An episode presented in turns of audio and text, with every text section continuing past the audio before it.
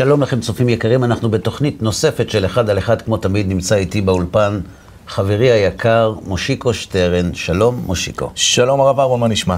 ברוך השם, הודו להשם כי טוב, כי לעולם חסדו. איזה כיף להתגעגע ולחזור מהר. ברוך השם. כן, יפה. תשמע, אנחנו כל פעם מתלבטים על מה אנחנו מדברים הפעם, על מה אנחנו מדברים הפעם, אתה יודע, אנחנו כבר קרובים למאה תוכניות, אה, באמת, כמעט אין נושא לדעתי בעולם שלא נגענו בו, ואם יש כאלה, אנחנו נשמח לשמוע רעיונות. היום העליתי ב, ב, ברשתות אה, שאלה, לבקש מאנשים ככה קצת דברים שהם רוצים שאנחנו נדבר עליהם. ואחת התגובות שקיבלתי, אני חושב שהיא מאוד מאוד מעניינת. שאלו אותי, איך מגשימים את עצמנו מבלי להתלכלך בבוץ. עכשיו, לא נכנסתי להתפלפלות עכשיו עם אותה אחת ששאלה למה את מתכוונת בוץ וכולי וכולי, אבל ניסיתי להבין ככה במקומות שאני אוחז בהם למה היא מתכוונת. ואני חושב שאני הבנתי למה היא מתכוונת. זאת אומרת, איך עושים בסופו של דבר את מה שאתה יועדת לו, מבין קודם כל את מה אתה יועדת לו, מה, מה, מה אתה מיועד לעשות בעולם הזה, את השליחות שלך מצד אחד. מצד שני, באמת, בשונה מהרבה מאוד אה, אנשים שאולי שומרי תורה ומצוות בדרך אחרת, נסגרים בישיבה, או עושים, אתה יודע, את דרך החיים שלהם בצורה אחרת, הם צריכים באמת לצאת החוצה, אותם האנשים, לעשות את השליחות שלהם. סוג של להתלכלך בבוץ. תקרא לזה איך שאתה רוצה, אבל בחוץ יש הרבה בוץ. טוב, שאלה גדולה שאלת. כן. דבר ראשון, להסתובב בחוץ זה לא להתלכלך בבוץ. אוקיי. זה לחיות. Mm-hmm. וביהדות החיים, החיים עצמם, הם משהו קדוש. איזה חיים? אבל עצם החיים, ההתערבות שלנו בחיי העולם, בחיי המעשה, במובנים מסוימים זו אפילו מצווה. לא לתהו ברעה, ברעה, כך כתוב. אנחנו צריכים לקדש את החומר, אבל חומר הוא לא דבר רע.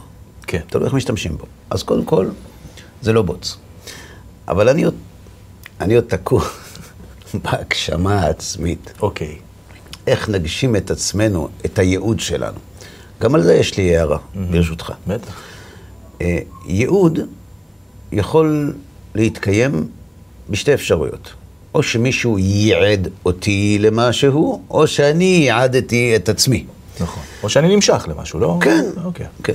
זה לגבי הייעוד. אבל בואו נחזור לנושא ההגשמה. Mm-hmm. יש לי כמה שאלות על זה. דבר ראשון, מה זו הגשמה עצמית? דבר שני, למה אנחנו כל כך רוצים להגשים את עצמנו? אוקיי. ויש לי עוד שאלה. הרצון להגשמה עצמית, פחות או יותר מושיקו, אל תפוס אותי במילה, mm-hmm. הרצון הזה, מתי הוא מתעורר? בחדר לידה, טיפת חלב, גן, תיכון, צבא, בוליביה, חתונה, אחרי החתונה, מתי זה בא? באיזה גיל? באיזה גיל אני אגיד לך למה אני שואל. כי אם אנחנו רוצים לדעת מהי הגשמה עצמית, ונדע מתי זה בא, נוכל לחפש שם באזור את הסיבות. אוקיי. באיזה גיל, לפי דעתך? וואו, שאלה מורכבת.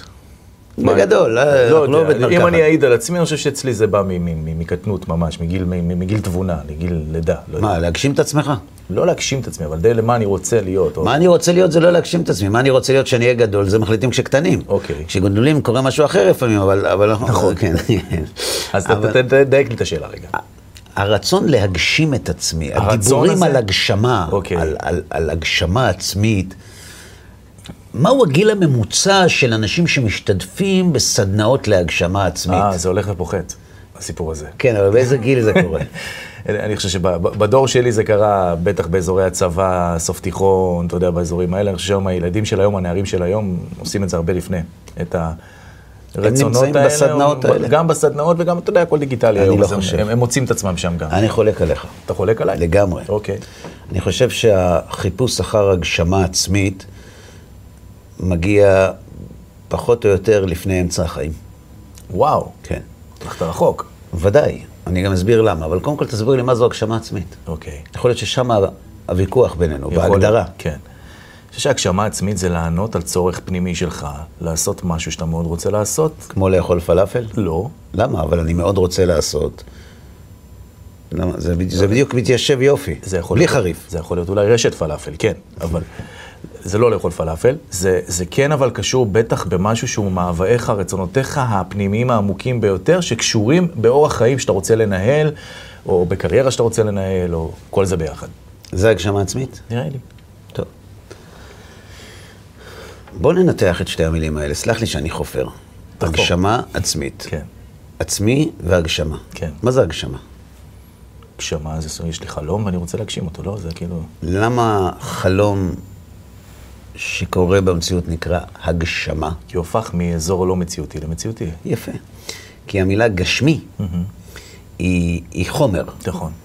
יש לזה סיבות היסטוריות, לא ניכנס כרגע. אבל, אבל להגשים זה להוציא מן הכוח אל הפועל. אוקיי. זה נקרא להגשים. את מה אני רוצה להוציא מן הכוח אל הפועל? את עצמי. מה זה עצמי? אני לא קיים? אין לי מציאות? אני לא ישות?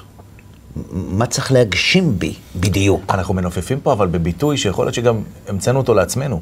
אתה מבין מה אני מתכוון? אה, כן, אבל זה משפט, זה, זה, זה, זה מונח מוכר. מיצוי, הגשמה, התפתחות, כל מיני מילים שלא מרוצות מהמצב העכשווי ורוצות להגיע למקום טוב יותר. נכון. יפה. התקדמות. התקדמות. השאלה, התקדמות והתפתחות הן תלויות מקום. ואני שואל, מאיפה אני רוצה לאן? זו השאלה שלי. אני רוצה להגשים את עצמי. אני, אני אגיד לך מה, מה אני חושב. אוקיי. כל אחד מאיתנו לא נולד טבולה ראסה. נכון. אנחנו נולדים עם נטיות, הרמב"ם כבר כותב על כך בהקדמה למסכת אבות, אדם נולד עם נטיות. למה הוא נולד עם הנטיות האלה? תלוי את מי אתה שואל. אם אתה שואל את המקובלים, מספרים לך על התפקיד של האדם. אם אתה שואל אה, אה, אה, תלמידי חכמים ש, שעוסקים בתורת הנגלה, הם אומרים לך הנטיות הן לפי התפקיד שאדם צריך לבצע בחיים. אם אתה שואל פסיכולוגים או, או אנשי מדע, הם אומרים לך בגלל הגנים. זאת אומרת, כל אחד ייתן לך תשובה אחרת, ואגב, כל התשובות יכולות להיות נכונות ביחד. נכון. אבל בסופו של דבר אנחנו נולדים לא דף חלק, אנחנו באים לעולם עם נטיות, כן. עם כוחות, עם כישורים. איזה DNA כזה. נכון. עכשיו, יש אנשים שעוברים את העולם בלי להכיר את הכישורים שיש בהם. נכון. למה? או כי לא היה להם את הרצון, או כי לא הייתה להם את ההזדמנות, אבל היו בהם יכולות, היו בהם כישורים, והם לא הביאו אותם לידי ביטוי.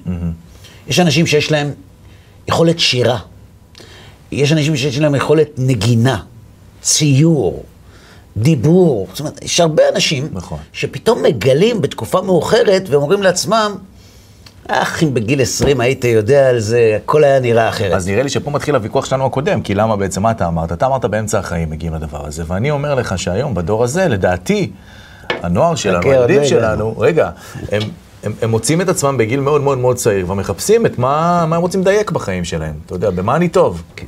ולראיה, אתה יודע, אנחנו עמוסים בכל מיני פורמטים של הגשמות. אני מבין מה אתה אומר, אני עדיין חושב אחרת. בגיל צעיר, מנעד הרצונות של האדם הוא מאוד פרימיטיבי. זה שייכות, כסף, תאוות, אוכל, אולי כבוד. אוקיי. אה, זאת אומרת, בחור בן 16, כשאתה מה הוא רוצה? כשאתה אומר פרימיטיבי, אתה, מאיזה, מאיזה פן אתה מסתכל בלתי על זה? מפותח. אוקיי. בלתי מפותח זה אומר, מה בלתי מפותח בלרצות כסף? יבוא אותו... כי יש דרגה יותר גבוהה. זאת אומרת, אם זה היה השיא, אז זה לא פרימיטיביות, זה המקסימום שאפשר להפיק, זה מה יש. אוקיי. אבל אם יש לך יכולות ורצונות נוספים שעוד לא הבשילו, עוד לא, עוד לא הבחילו, עוד לא הגיעו ל, ל, לזמן פריחתם, כן. והם עדיין טמונים בך, זו לא פסגת ההתפתחות. לכן אני אומר כך, הגשמה עצמית זה הוצאה מן הכוח אל הפועל של הכוחות שטמונים בנו, של הכישורים שטמונים בנו. וכשאנחנו מגלים שיש בנו כוחות ואנחנו יכולים לפתח אותם, אנחנו רוצים לעשות את זה. זאת אומרת, הגשמה עצמית זה להוציא מן הכוח אל הפועל את מה שיש בעצמי שלי. העצמי שלי, אומר רבי יהודה לב, הלוי אשלג זצ"ל, למדנו הרבה פעמים, הרצון שלי זה אני. אני זה הרצון, עצמי זה הרצון, זה סך כל הרצונות שלי. וכמו שאתה יודע, מושיקו, הרצון הוא גמיש. כן. הוא משתנה, הוא מתפתח, הוא פושט צורה, לובש צורה זיקית. הרצון להגשים את עצמנו מאיפה הוא בא. מזה שאנחנו יצור חסר מנוחה אולי? אתה צודק שאנחנו חסרי מנוחה.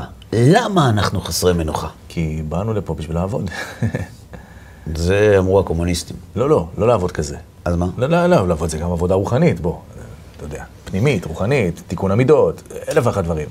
זה נכון, אבל בבסיס שלנו, אנחנו לא רוצים לתקן. בבסיס שלנו אנחנו רוצים ליהנות.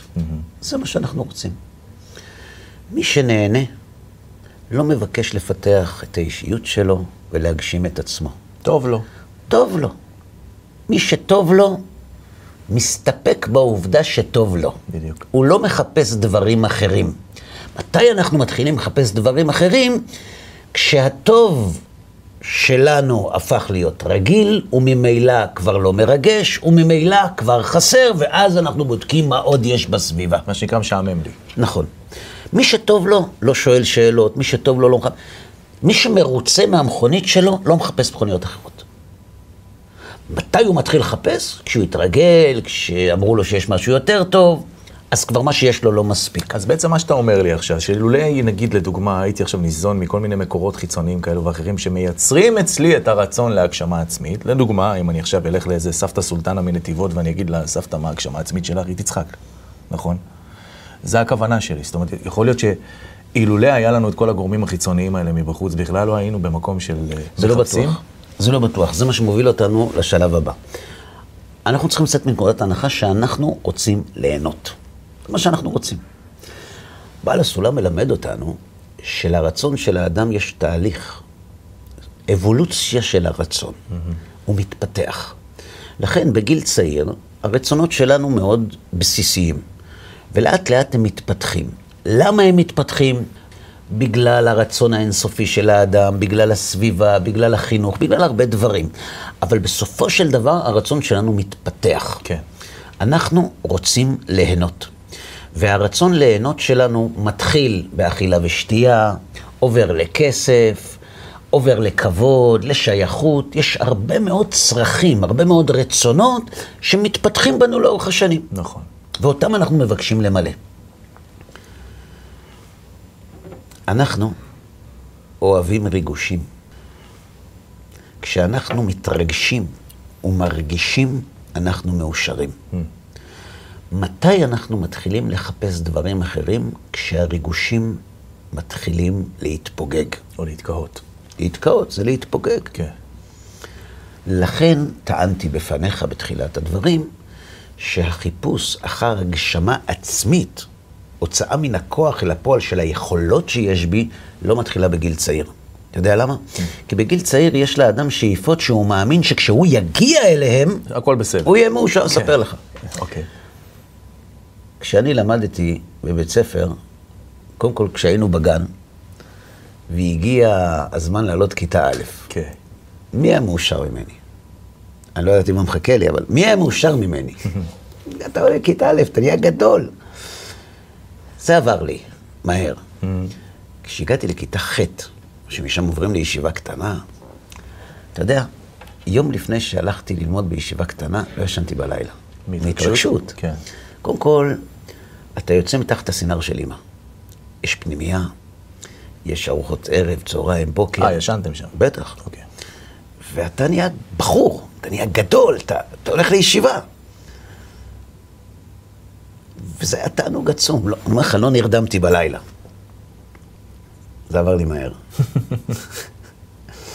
לצערם של רבים זה עבר לי מהר. כשהגעתי למה שנקרא שיעור ג', שלוש שנים בישיבה קטנה. שיעור ג', שיעור השלישי, זאת אומרת, שנה הבאה אתה עולה לישיבה גבוהה. אתה יודע איך הרגשתי לפני שעברתי לישיבה גבוהה? איך? בעננים. אוקיי. באמת בעננים, זה היה לפני הלגליזציה. הייתי בעננים. אתה, קודם כל, ישיבה גבוהה, ממנה אתה ממשיך לחתונה. זאת אומרת, אתה עברת שלב, אתה כבר בחור, אתה כבר עצמאי, אין מבחנים. חופש. אתה קובע את הקצב. גבר שבגברים. הייתי מאושר. זה עבר לי. כשזה עבר לי, דיברתי עם אבא שלי. אמרתי לו, לא, אני לא מבין מה זה. הוא אומר לי, זה פשוט, כשאתה בישיבה גבוהה, אתה מתגעגע לישיבה קטנה. למרות שבישיבה קטנה לא כך נהנית, אבל החיים יותר פשוטים. כשהיית בישיבה קטנה שכל כך חיכית להגיע אליה, חזרת להתגעגע לבית ספר שגם שם שנינו יודעים מה היה. כן. למה זה? למה זה? למה אנחנו אף פעם לא שמחים ממה שיש. במה שאנחנו עושים אהה. ומחכים קדימה, וכשמגיעים קדימה, מתגעגעים לטוב שהיה במה שעשינו שלא ראינו כשהיינו שם ורצינו להגיע קדימה. שוב, כי אנחנו חסרי מנוחה, נולדנו כאלה. כי אנחנו לא חסרי מנוחה, כי אנחנו חסרי ריגושים. המתרגש נח, לא מחפש שינויים, לא מחפש מעברים, הוא חווה את החוויה כמו אדם שעומד עם הפלאפל שלו ולא רואה אף אחד. אנחנו מחפשים ריגושים. אז כשאתה ילד, אתה חושב שכשיהיה לך אופנוע, תתרגש. כשיש לך קטנוע, אתה חושב שכשתהיה בצבא ותרוץ על ג'בלאות ואת זה, תתרגש. כשאתה נוסע לדרום אמריקה אחרי צבא, אתה אומר שזה, זה מה שיהיה. ואז, כשאתה חוזר לארץ, אתה אומר, רק אהבה. כשאני אתאהב, זה יהיה חתיכת ריגוש. הוא התחתן. מה הישיבה הגדולה שלו? כן. מה השלב הבא? ילדים. חיים, כן. ילדים, יש ילדים, מה הלאה? זאת אומרת, מגיל 30, 35, 40, אתה בעצם עוסק בלשמר את הקיים. אין עוד. עוד מאותו דבר. אין כאן תהליך. וזה גיל, קוראים לו משבר גיל ה-40, היום זה גיל ה-30, זאת אומרת, נכון, יש כמה? נכון. גיל ה-12 גם, יש גיל, גיל הגן, יש כמה משברים. אבל מה זה המשבר הזה? המשבר הזה אומר לך שני דברים. א', אין עוד תחנות. תחנה הבאה, ביי. סופית. ואין לי לאן לשאוף עוד. מה ירגש אותי? כסף יש, ילדים יש, אהבה יש, כבוד יש. מה הלאה? איזה דיכאון. דבר ראשון. דבר שני, אתה יודע, כשאנחנו צעירים, מי חושב על המוות? אפילו בן אדם עומד מול קבר פתוח, הוא מסתכל ואומר, מסכנים אנשים, הם מתים. רחוק ממנו שנות אור. ואיפה, ואיפה אתה בתמונה? אז זה קשור אליי. כן. מתי בן אדם מבין, לא מבין, מבין, כולם מבינים, מתי הוא מרגיש שגם הוא בסיפור? שהוא מזדקן. לא. מתבגר. פחות או יותר סביב גיל 40. למה? אגיד לך. נסעת פעם לחו"ל? מה התקופה הכי ארוכה שנסעת לחו"ל? שבועות? נגיד חודש? לא, פחות. אוקיי. חודש. יש לי תוכנית רדיו, אתה שוכח, זה אין אי אפשר, אין דבר כזה חודש. חודש של רדיו. כש- כשאדם עולה למטוס, הוא, הוא בשיא החוויה. אוקיי. אבל הוא יודע שהוא יחזור. מה זה משנה? אבל זה לא עכשיו. מתי הוא מתחיל להרגיש שיש סוף לטיול? אם זה חודש, אחרי שבועיים. אתה יודע למה? באמצע? יש לו אמת מידה. הוא יודע, ממתי שיצאנו עד עכשיו, עוד אחד. יש לו בחוויה את הכמות שנשאר לו. כן. גבר ממוצע במדינת ישראל חי 78 וחצי שנים. האמצע זה פחות או יותר סביב גיל ה-40. זאת אומרת, בגיל הזה פתאום בן אדם קולט את הכמות שנשארה לו. ומה הוא עבר? לפי מה שהוא עבר, מה נשאר לו. ואז הוא אומר, אוקיי, מה, מה הלאה? כן. צריך להספיק, מה, מה, עוד מעט המטוס יוצא, מה הלאה? וזה המשבר המדובר. אומרים לו, אדוני, הלאה זה עוד מאותו דבר. זה לא דלק מספיק חזק. נכון.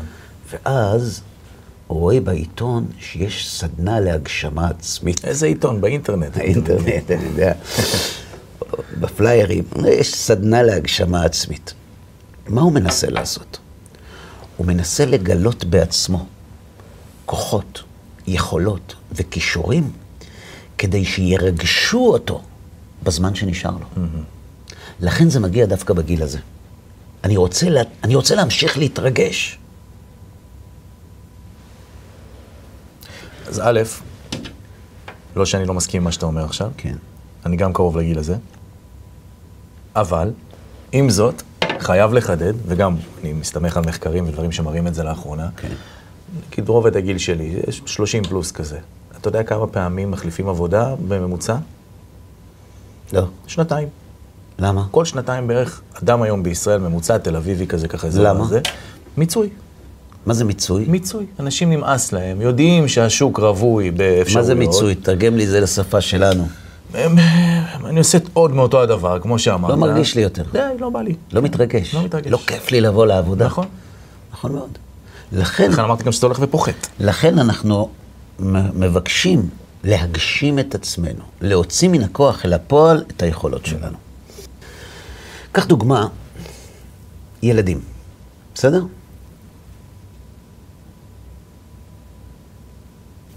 ילדים זה סוג של התפתחות, כן, בטח. נכון? אתה יודע שיש היום ציבור הולך וגדל של אנשים שמצהירים על עצמם שהם לא רוצים ילדים. שמעתי. קוראים לזה, זה עכשיו נחשב, על-הורי. על הורי? על-הורי. זאת אומרת, לא הורי כאידיאל. בחרתי, אני לא רוצה ילדים. עכשיו אתה שואל את הבן אדם למה אתה לא רוצה ילדים, אז הוא אומר לך, מה זאת אומרת למה? אתה יודע מה זה להביא ילדים? לייצר מכונות פסולת. כל אחד משאיר אחריו אחרי חיים 30 טון. המצב של הכדור לא משהו. זה לא אגואיזם? חוץ מזה, להביא ילדים זה הכי אגואיסטי שיכול להיות. אתה לא יכול להבטיח להם טוב. אז איך אתה מביא אותם? אתה מייצר בעיה בלי פתרון? אפילו, אפילו על רכב נותנים אחריות חמש שנים. את זה אתה אפילו לא נותן. כן. לא רוצה ילדים. אתה יודע, המדינה שהתנאים בה הטובים ביותר להביא ילדים ולגדל אותם זה פינלנד. כי? תנאים סוציאליים. אוקיי. קראתי מחקר השבוע שנערך בפינלנד, למרות הכל, מספר הממוצע של ילדים למשפחה 1.2. זאת אומרת, לא מביאים ילדים. למרות שיש את כל התנאים האפשריים. ולא מגבילים אותם ולא... שום דבר, זה לא סין. למה זה? למה זה? פעם ילדים היו שמחה. הפכו לנטל. למה? כי אדם עסוק בעצמו. בגלל ההגשמה. כן. לא בגלל ההגשמה, הגשמה זה טוב, בגלל הסיבה של ההגשמה. מי שמבקש ליהנות מלמלא את צרכיו ורצונותיו, לא מחפש שותפים. מתי אנחנו לוקחים שותפים? סלח לי, כן? כן. מתי אנחנו מתחתנים? מתי אנחנו מתחתנים? זה סוג של שותפים. נכון. מתי? א', רק כי אנחנו רוצים באמת משפחה. כי אנחנו לא מסתדרים לבד. אה, לא מסתדרים לבד, אוקיי. מי שמסתדר לבד לא רוצה שותפים. מה זה נקרא לא מסתדרים לבד? או שהגעתי למסקנה שיותר טוב ממה שהיה לי כבר לא יהיה לי, אז שהייאוש יהיה יותר נוח, לפחות יהיה ביחד. או שמצאתי אהבה. כי מצאתי אהבה, אני מרגיש כל כך טוב, שאין טעם להישאר לבד. אבל בסופו של דבר אנחנו לוקחים שותפים רק כי אנחנו מאמינים שבעזרתם או נגיע לתענוג יותר גדול, כן. או נכווה סבל יותר קטן. בסדר? לכן מתחתנים. כשאנחנו נהנים, אנחנו, הגיר, כן, תיבת ההילוכים שלנו, כשהיא פועלת בצורה של אני נהנה מלמלא, אני לא מחפש שותפים. כי אם יש לי שותפים, אני צריך לחלק איתם את המילוי, ואז לא נשאר לי. כשאתה מגשים את עצמך, מה אתה בעצם עושה? אתה ממלא עוד צורך. אבל אדוני הלא למד במהלך 30-40 שנה שמלמלא צרכים, מלמלא צרכים, לא נהיים מאושרים. עובדה, אתה בסדנה להגשמה עצמית. אז למה אתה מנסה עוד מאותו דבר? מה אנשים חושבים? אומרים, שמע, עד היה לי כסף, היה לי זה, היה לי זה, עכשיו אני מנסה להגשים את עצמי, למלא צרכים אחרים, שזה נשמע נכון. אבל השיטה בעייתית. לא הדברים, השיטה עצמה, מי שחושב, כך אומר בעל הסולם, שהוא יצליח להגיע לחוויה ולריגוש לאורך זמן, על ידי שהוא ממלא את רצונו, מתוך רצון לקבל, אז הוא יגשים את עצמו, זה ייקח עוד שנה, ואז זה ייפול גם כן, ומה נשאר? לנסוע להודו, מה, מה הוא יעשה? התורה מלמדת אותנו שהגשמה עצמית זה לא לגלות את הכישורים שלך. זה כן, אבל זה לא מה שאנחנו חושבים. כל הכישורים שאנחנו מכירים ואותם הולכים לפתח בסדנה, זה המוזיקה, הכתיבה, ה... כל הדברים. כן, של לקחת, של ליהנות מלקבל. כן. היהדות טוענת שהתפתחות זה לא לגלות עוד מאותו דבר, זה משהו אחר. נולדת עם היכולת הטבעית, האנושית, ליהנות מלקבל, זה המצב הראשון. אתה יכול לעשות עדכון גרסה. ללמוד, זה קיים בנו, Mm-hmm. לפתח את היכולת ליהנות מלתת? מלתת. ליהנות מלתת זו התפתחות, זו הגשמה של הרצון. זו הוצאה מן הכוח אל הפועל של הרצון. כשאני, יש לי רצון ליהנות מלקבל, ואני עושה אותו יותר גדול, אני לא מגשים, זה עוד מאותו דבר. כן. להוציא מן הכוח אל הפועל, זה קראנו להגשים.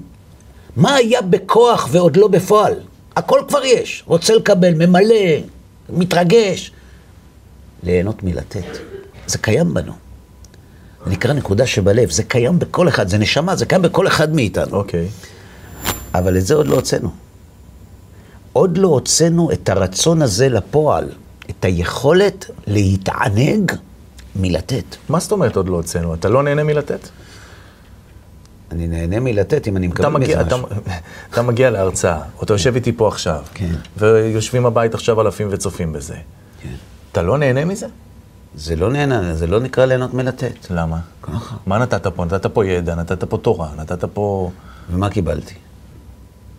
את זה שאנשים צפו בזה. ו- ריגוש, חוויה. למה ריגוש חוויה? תסביר לי. אני אסביר לך. אתה מכיר זמרים? בטח. יופי. זמר עולה על במה. כן. אתה מדדת כמות האדרנלין שלו בדם אחרי שהוא יורד מהבמה? אני מניח ש... מטורפת. עף למעלה. כן. הוא עמד שעה וחצי, כמה זמן זה הופעה? משהו כזה. שעה וחצי, ולא הפסיק להוציא. נכון? כן. לתת. כי אם הוא היה מפסיק להוציא, היו מוציאים עליו. נכון. הוא נתן או קיבל? הוא נתן כדי לקבל. יפה. אז הוא קיבל. כן. זאת אומרת ש... כשזמר לא נהנה כן, מלהופיע, הוא לא יופיע. הבנתי. היה זמר גדול בישראל, שלא היה מופיע. אריק. לא יודע, עבר איזה אירוע, לא מופיע יותר. כן. תופיע, תיתן! אני לא. בבית, כן. למה? לא... לא מתכתב עם ההנאה שלו. אוהב להיות בבית. אנחנו הרבה פעמים נותנים, אבל נותנים בשביל לקבל. כשאתה נותן בשביל לקבל, זה עוד מאותו דבר. היהדות אומרת שהתענוג צריך להיות בעצם הנתינה, בלי לקבל כלום. מה זה בלי לקבל כלום? שזה בכלל לא תלוי בשאלה אם קיבלתי או לא. מותר לך ליהנות מההופעה, אבל תגיד, גם אם ההופעה מסבה לך סבל, אתה תלך להופיע כי זה עושה טוב לאנשים? לא, כי זה עשה לי סבל, מה? אז זה לא נקרא שנתת, זה נקרא שקיבלת. אבל אם... אבל אם אני סובל, הם לא ייהנו, איך זה עבוד? הם ייהנו, הם ייהנו, הם ייהנו. לא אכפת להם ממך בין כה וכה. זאת אומרת, כשאני מתנדב, בגלל שאני מקבל מזה סיפוק, זה נקרא לקבל. כשאני מתנדב למרות שאין לי מזה סיפוק, זה נקרא לתת גם אם יש לי מזה סיפוק. מה שקובע אם זה נקרא לתת או לקבל, זה לא התנועה. זה האם בלי זה הייתי עושה את זה. ילדים. ביהדות ילדים זה אבי אבות הנתינה. שלנו כלפיהם. בטח. כן. מי שרוצה לתת, ילדים זו המתנה הכי גדולה שלו. נכון, כי לא, לא, לא, לא תמיד... כי זה הכי טבעי נכון, לתת להם. נכון. מי שרוצה להגשים את הרצון לקבל שלו, לא בהכרח ירצה ילדים, כי שותפים, המדינה כבר. אבל מי שרוצה לתת, מי שמתענג מלתת, שרואה בנתינה ערך, בשבילו ילדים זו המתנה הכי גדולה. להגשים את עצמי ביהדות זה לפתח את כוח הנתינה שבי ולהתענג מעצם העובדה שטוב לאנשים במה שאני עושה עבורם, בלי שום קשר לשאלה אם אני נהנה מזה או לא. אני אתה- אמשיך לעשות, גם אם אני לא נהנה, כי להם זה עושה טוב. אז סתם לדוגמה עכשיו, אותם אנשים, אתה מכיר אותם בטח הרבה כאלה בסביבתך וגם בסביבתי, מכניסי אורחים גדולים. אתה יודע, שאתה תמיד כשאתה תגיע, זה פותחים שולחן, וזה זה מנגלים, וזה זה בשפע גדול, ואל תצא מהבית עד שלא יגידו לך שהתעייפנו. מה, הם עושים את זה בשביל לקבל? לא יודע. יש לי מבחן. כשאתה תתארח אצלו, בין 0 ל-10, כמה כבוד יארח אותך? כמה הכבוד? בכמה... אותו אחד? כן. בין נניח אפס שעשר. לא, עשר זה בשמיים. נגיד תשע, אוקיי, שמונה. טוב. ומה יקרה כשיתארח אצלו, נגיד, אה, לא יודע, הומלס מהרחוב? הומלס מהרחוב או מסי? זאת אומרת, אה, אוקיי. מה יקרה? יש שינוי? הבנתי מה אתה אומר. יש שינוי. למה? אם כל הרצון שלך זה לתת, למושיקו הרבה פחות חסר מהומלס. אז למי אתה עושה יותר טוב?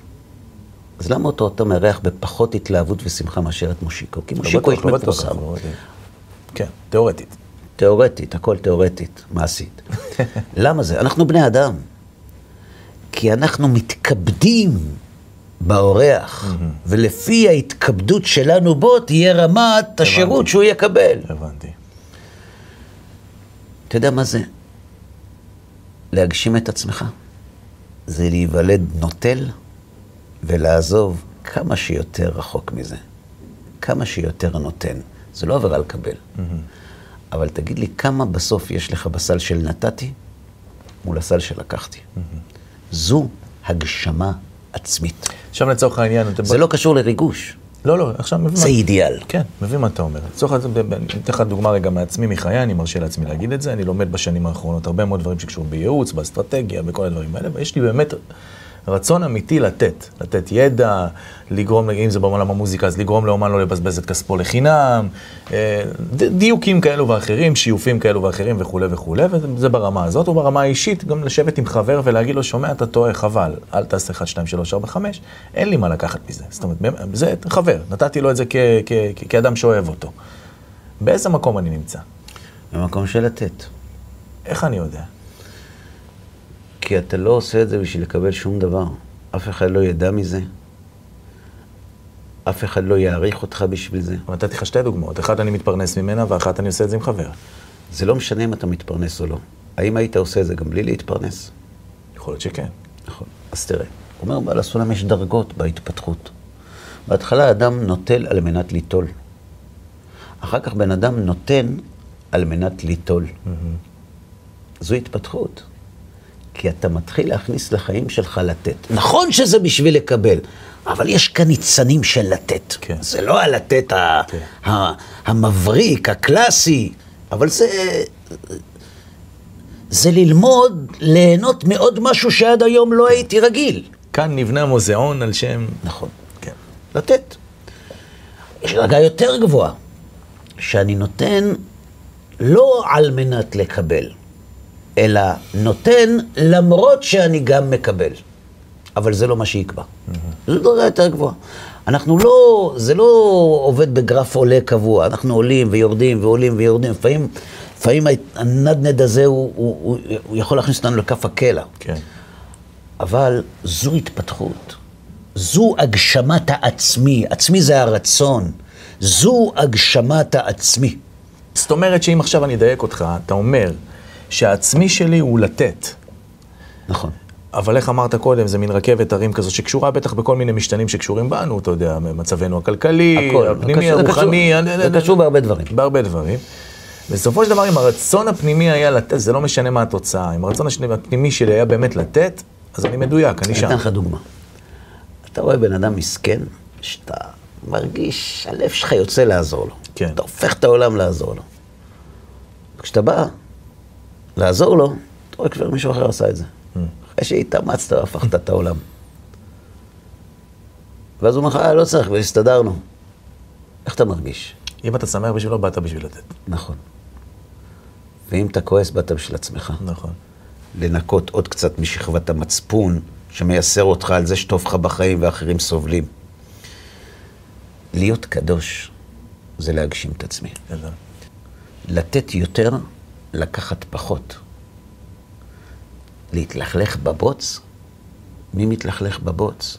כשאדם עוסק בלתת, הוא לא יכול לתת אם הוא לא יוצא מארבע אמות שלו, כי למי ייתן? ביהדות הסביבה היא המקפצה שלך לקדושה. בלי סביבה, למי תיתן? לעצמך? לקדוש ברוך הוא שלא צריך ממך כלום. למי תיתן? איך תתפתח? מי שרוצה להגשים את עצמו חייב סביבה. ולכן לא הסכמתי בהתחלה, כשהצגת את דברי המציאה לנושא, אה, איך מגשימים את עצמי בלי להתלכלך בבוץ. זה לא בוץ, זה זהב. הסביבה היא זהב, כי בעזרתה אנחנו יכולים להגשים את מה שלא היינו בשום אופן יכולים להוציא מן הכוח אל אני הפועל דמיינתי, בלעדיה. אגב, כשהיא כתבה את זה, כמו אדם שמחפש יהלומים בתוך הבוץ, אתה יודע, כאילו, מזיז ימין, אין שמאל. בוץ, זה הכל יהלומים. זה תלוי על איזה בורר נמצא מות ההילוכים. אם אתה נמצא על בורר של לקחת, הסביבה היא חתיכת בוץ ופחם. כי מולי ניצבים לועות של כל בני האדם שרוצים לבלוע בדיוק את מה שאני רוצה. אם הרצון שלי הוא לתת, הלועות האלה הם יהלומים. כי אני יכול להכניס אפילו בלי לפתוח להם את הפה. לתת זו הגשמה עצמית. לקחת זה לדרוך במקום. והבוץ תלוי בשאלה מה אנחנו רוצים. יפה מאוד. בסדר? בטח. עכשיו, איך עושים את זה, זה תורה שלמה. תודה רבה לך, מושיקו, שבאת לאולפן. תודה למציעה את הנושא, כן. על הנושא החשוב שהיא כן. הציעה. תודה לך שעמדת בהתקלה. ברוך השם. תודה רבה גם לכם, צופים יקרים, שהשתתפתם איתנו בעוד תוכנית של אחד על אחד. כמו תמיד, אנחנו מקווים גם עתה שהדברים יהיו לתועלת. בעזרת השם נשמח להיפגש כאן בתוכניות הבאות. כל טוב לכם.